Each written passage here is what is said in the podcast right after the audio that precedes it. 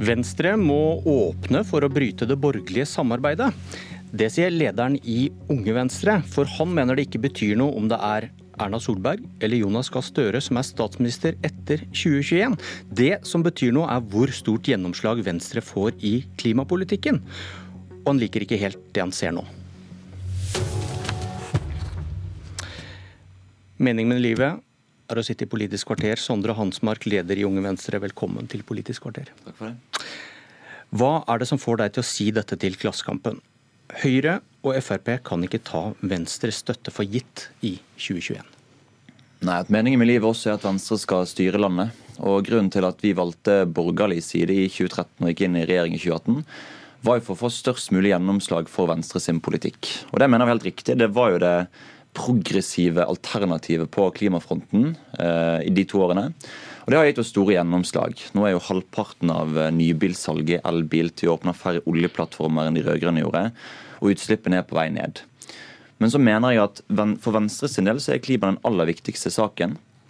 Og Hvis vi skal sette den saken fremst av alle, så må vi gå til valg i 2021 på å si at uh, vi skal ha en politikk som halverer utslippene innen 2030 som uh, får oss godt innenfor Parisavtalens mål om 1,5 graders oppvarming. Og Da vil jeg rett og slett la de andre partiene konkurrere om vår gunst. Og så mener jeg på ingen måte at Arbeiderpartiet har noe bedre klimapolitikk enn Arbeiderpartiet. Jeg mener at de er like som to dråper olje. Men hvis de kan... har ikke en bedre klimapolitikk enn Arbeiderpartiet. Du mente kanskje Høyre? Da mente jeg Høyre. Men du, i, Men de, ja. i, i, i, det du sier da, da betyr det at Venstre skal ikke gå til valg i 21 med at et borgerlig flertall skal gi en borgerlig regjering. Det er, ikke, det er ikke bare hvis dere taper valget, dette her.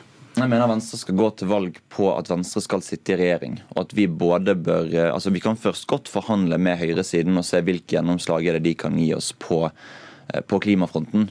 Men hvis det ikke er ambisiøst nok, hvis vi ikke får en politikk som reduserer utslipp raskt nok, som gjør noe med at eh, Norge f.eks. har åpnet oljeplattformer som skal produsere olje fram til 2070, så mener jeg at man må se seg over på andre siden for å se om vi kan få større gjennomslag der. Men det, men, det, må jo ligge en misnøye i bånn her. Dette gir jo ingen mening hvis, du, hvis du hadde vært fornøyd med den det gjennomslaget Venstre får på klimafeltet i regjering? Jo, det er mening, for jeg er fornøyd med det vi har fått til. Og vi er et lite parti på 4,4% som har fått store gjennomslag på klimapolitikken.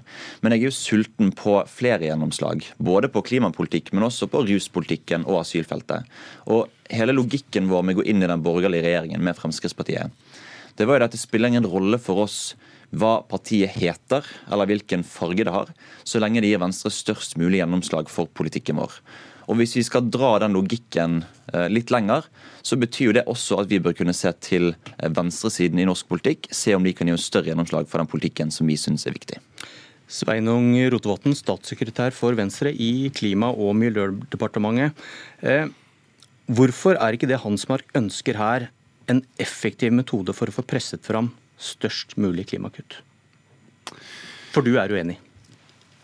Ja, jeg er Eh, der at jeg mener at vi får best klimagjennomslag på borgerlig side. Jeg er enig med Sondre i at vi må gå til valg på det alternativet som er det beste for klimaet. Og det er ikke fordi at det er viktig for Venstre, men fordi det er viktig for klimaet. Eh, men jeg mener at erfaringa nå fra de siste par åra eh, står seg godt. Og denne erfaringa er at Eh, ved å jobbe med eh, Høyre, med KrF og ja, også med Frp i regjering, så klarer vi å få til det som vi er opptatt av, nemlig å få ned klimagassutslippene og få opp ny grønn teknologi, og styrke det internasjonale samarbeidet og ta Norge framover i klimapolitikken. Eh, og Hadde det nå vært slik at jeg så klare tendenser til at nå er liksom Arbeiderpartiet og Senterpartiet og de andre på vei i raskt miljøvennlig retning, så kunne selvfølgelig det vært interessant. Men jeg ser dessverre få tegn på det. Snarere tvert imot. Så er det bare å se hva den har brukt den siste veka på i den sida av politikken. Jo, det er en svær kamp mot EUs fjerde jernbanepakke, som er eh, en viktig sak for å styrke jernbanen, og ikke minst jernbane på tvers av land i Europa.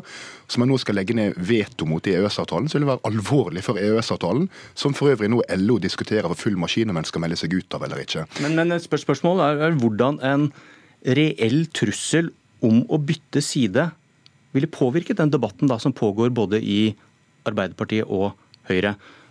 Nå, Med din strategi så risikerer du vel å bli tatt for gitt?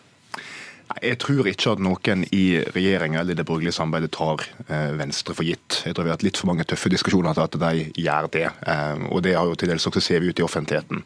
Eh, fordi det ligger jo i og for seg i sakens natur at Venstre som et sentrumsparti selvfølgelig kan samarbeide med ulike andre partier.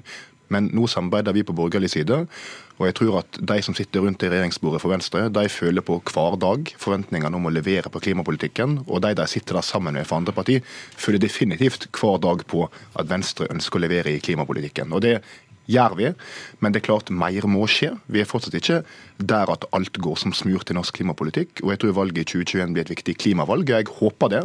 Og da må selvsagt Venstre være den tydeligste stemma for klima, og denne regjeringa må være den tydeligste regjeringsalternativet for klima. Vil ikke male noe sånn rosenrødt bilde av uh, tilstand på venstresiden. Det syns jeg, jeg, tvert imot uh, det finnes mye rart. Du har Senterpartiet som vil senke drivstoffavgiftene, som gjør motstand mot en klimaavtale med EU om å kutte 40% innen 2030. Men Hva, hva, hva uh, mener du er det mest klimaskeptiske partiet på Stortinget, da? Jeg tror det blir en delt førsteplass mellom Fremskrittspartiet og Senterpartiet. Så det ene alternativet er ikke nødvendigvis mye bedre enn andre. Hvor er det du finner klimaskeptikere? Hvor man finner klimaskeptikere? Ja, Hvilket parti er det som har flest klimaskeptikere? Senterpartiet eller Frp? Hvis du statistikk, så er det Fremskrittspartiet. Men jeg mener jo at Fremskrittspartiet og Senterpartiet også har en veldig lik politikk. Hvor de ønsker å senke drivstoffavgiftene, holde på med norsk skoleleting i, i, i lang framtid. Men, men, jeg er jo helt enig i at altså, vi har aldri hatt en regjering som øker bensinavgiftene like mye som denne regjeringen, som øker CO2-avgiftene like mye, som bygger ut mer fornybar energi. Så vi er jo helt enige om at gjennomslagene her er veldig store. Men for meg så handler dette om en pragmatikk. Det handler om at vi bør kunne shoppe gjennomslag på begge sider. Og selv om vi har fått store gjennomslag for f.eks. bilpolitikken med å sørge for at det skal koste å forurense og være billig å velge fornybart, så er jo en ting ingen norsk regjering har klart å gjøre noe med det oljepolitikken. Nå I høst så åpnet jo Johan Sverdrup-feltet, som skal produsere olje fram til 2070. I 20 år etter at Norge skal være et nullutslippssamfunn. Vi bruker fortsatt milliarder av kroner over statsbudsjettet på å sponse oljeselskaper og lete etter norsk olje og gass, selv om vi vet at vi bør satse på ren fornybar energi.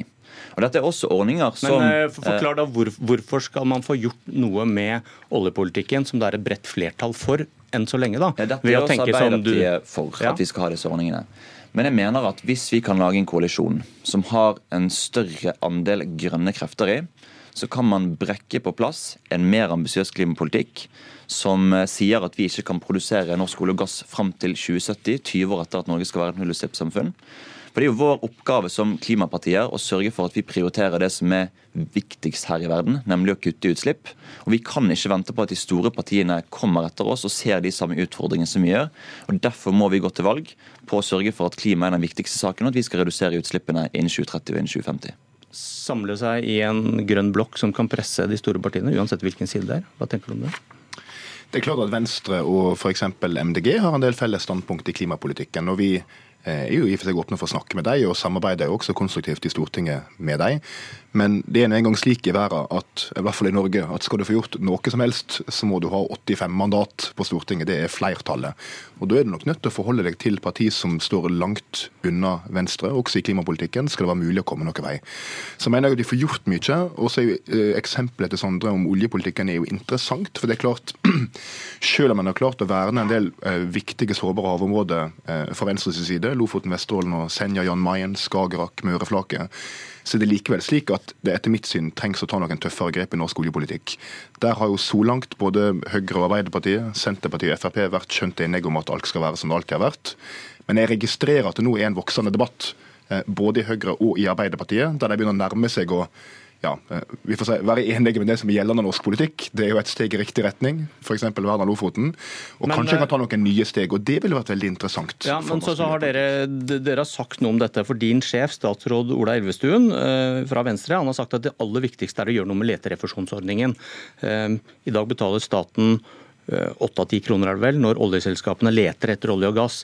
Men det skulle dere se på etter at Klimarisikoutvalget hadde kommet med sin rapport selv om det ikke sto i mandatet deres, og at de derfor ikke sier noe om dette. Nå er høringsfristen vel ute i vår en gang. Hva skjer? Er ikke noe jeg kan fortelle om nå, i alle fall. Men eh, det er klart at diskusjonen rundt oljeskatteregimet er jo en viktig diskusjon framover. Ja, men viktig... Eh, nå lurte jeg på hva skjer i regjeringen. Er Frp enig i at leterefusjonsordningen vurderes av regjeringen nå? Eh, vi og Frp har ganske ulikt syn på oljeskattepolitikken. Og det er i alle fall slik at skal vi klare å holde utslippene fra den sektoren nede, så må en ta en diskusjon også om det framover. Ja, det er det jeg lurer på. Hva skjer? Dere har flere ganger sagt at dette skal vi vurdere etter at Klimarisikoutvalget har kommet med sine anbefalinger. Da skal vi se på leterefusjonsordningen. Og Skjer det i regjering nå, eller har dere lagt det bort? Nei, altså jeg har ikke tenkt å gå inn i de diskusjonene nå. Eh, de Når kommer det? Nei, de skattereglene eh, ligger jo fast, eh, og jeg har ikke noe annet budskap her nå. Ok, Så da kan vi avlyse den, da? At dere skal se på dette nei, etter Klimarisikoutvalget kommer med sitt det Jeg sier at dette er en viktig diskusjon framover, men det er også andre viktige diskusjoner i oljepolitikken. For det, som, det som står i Granavolden-erklæringen, er at oljebransjen loves stabile rammevilkår.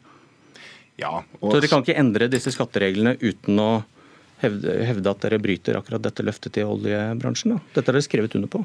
Det skjer stadige endringer i oljepolitikken. Eh, F.eks. at vi verner sårbare havområder innenfor eh, Lofoten osv. Eh, uten at en med det kan si at ikke oljeindustrien har gode rammevilkår i Norge. Og det har de, men samtidig så må en kunne gjøre justeringer i politikk. både innenfor område, innenfor skatteregler, uten at jeg ser på det som verdens største problem. Snarere tvert imot. Og når vi nå skal gå inn i et viktig år, der vi f.eks. skal se på ny forvaltningsplan for Barentshavet, så blir det en kjempeviktig diskusjon der rundt f.eks. hvor denne iskanten skal gå, der en ikke vil slippe oljeindustrien til. Statusen for Barentshavet nord. Så det er mange tøffe okay. oljediskusjoner som kommer i regjeringa. Og der er det selvfølgelig ulikt syn i regjeringa, og så får konklusjonen komme når den kommer. Jeg gjentar at Ola Elvestuen har sagt at det viktigste å gjøre noe med er leterefusjonsordningen. Et ja-nei-spørsmål til deg, Hans Mark. Ble du optimist av det du hørte om eh, dette her fra statssekretæren? Jeg vet jo at Sveinung kjemper for å for endre oljeskatteregimet og gjøre det mindre lønnsomt å pumpe opp olje. Men vi ser jo at uh, da uh, Venstre gikk til valg på dette i 2017, på å fjerne letterefusjonsordningen, så gikk jo Hadia Tajik til frontalangrep på Venstre i Rogaland fordi at vi svikta oljearbeiderne. Så jeg tror ikke ting er så mye lettere på den siden. Og jeg mener at man først og fremst skal søke samarbeid på borgerlig side. Det er der vi har fått størst gjennomslag. 3000 kvoteflyktninger, rusreform okay. og nedleggelse av pelsdyrnæringen. Og så får vi se om vi klarer å hente flere. Vi avslutter med en rød rørende enighet på slutten her. Magnus Takvam, politisk kommentator her i NRK. Hvordan vurderer du dette utspillet fra Hansmark? Venstre må kunne samarbeide med begge sider, også Arbeiderpartiet etter valget, hvis det gir større gjennomslag? Ja, Det er mye å si om dette. Det var jo ikke noe helhjertet forsvar av, av, den andre siden i miljø- og klimapolitikken akkurat vi hørte fra Hansmark heller. Så jeg opplever vel at det er snarere en frustrasjon over alliansen med Frp i en situasjon der miljø- og klimapolitikken kommer stadig høyere opp på dagsorden, og stadig flere blir opptatt eh, av det. Og der partier som Miljøpartiet De Grønne overtar og overkjører Venstre når det gjelder sakseierskap i, eh, på dette politikkfeltet. Så det er i hvert fall bakteppet for, for det, tror jeg. Hvor sannsynlig er det at det skjer? Altså, eh, det er veldig uforutsigbart i, i, eh, politikken når det gjelder den borgerlige regjeringen framover. Så veldig mye kan skje. Men med dagens ledelse, med Trine Skei Grande som leder i Venstre, så, jeg, så mener jeg det er utelukket at hun vil f.eks. i en gitt situasjon peke på, på, Arbeiderpartiet og gå i regjering med Arbeiderpartiet. Så det er et grunnleggende premiss. Og så er det jo noe med den som man henvender seg til, nemlig Arbeiderpartiet. Nå diskuterer vi som om eh, der tar man mot alle som kommer med åpne armer. Men alle husker jo hvor mye Arbeiderpartiet brant seg på å åpne for samarbeid med Venstre for, i, i, forkant av valget i 2017. Og gitt den diskusjonen som er med LO og den konfliktlinjen man har i Arbeiderpartiet med LO om ulike saker, så tviler jeg på om det kommer si, positive signaler fra Arbeiderpartiet til et potensielt Venstre-samarbeid. Fordi Venstre har jo en politikk på andre områder som, som er eh, kontroversiell for dem. Hvordan vil eh, partienes oppslutning påvirke dette her fremover? Frp sliter, Venstre sliter. Altså, jo mer Venstre og Frp sliter, jo større vil spenningen mellom dem bli. For vi ser jo at de markerer sine primærstandpunkter eh, stadig oftere. Det er jo ikke bare i klimapolitikken, men eh, Abid Rajas konflikt med Frp om eh, retorikk i innvandringspolitikken er jo et annet eksempel som viser det, det politiske spennet. Og da kan mye skje hvis det utvikler seg, eh, og at de partiene blir stadig svakere og frustrasjonen øker. Takk for analysen, Magnus Takvam. Dette var Politisk kvarter. Jeg heter Bjørn Myklebust.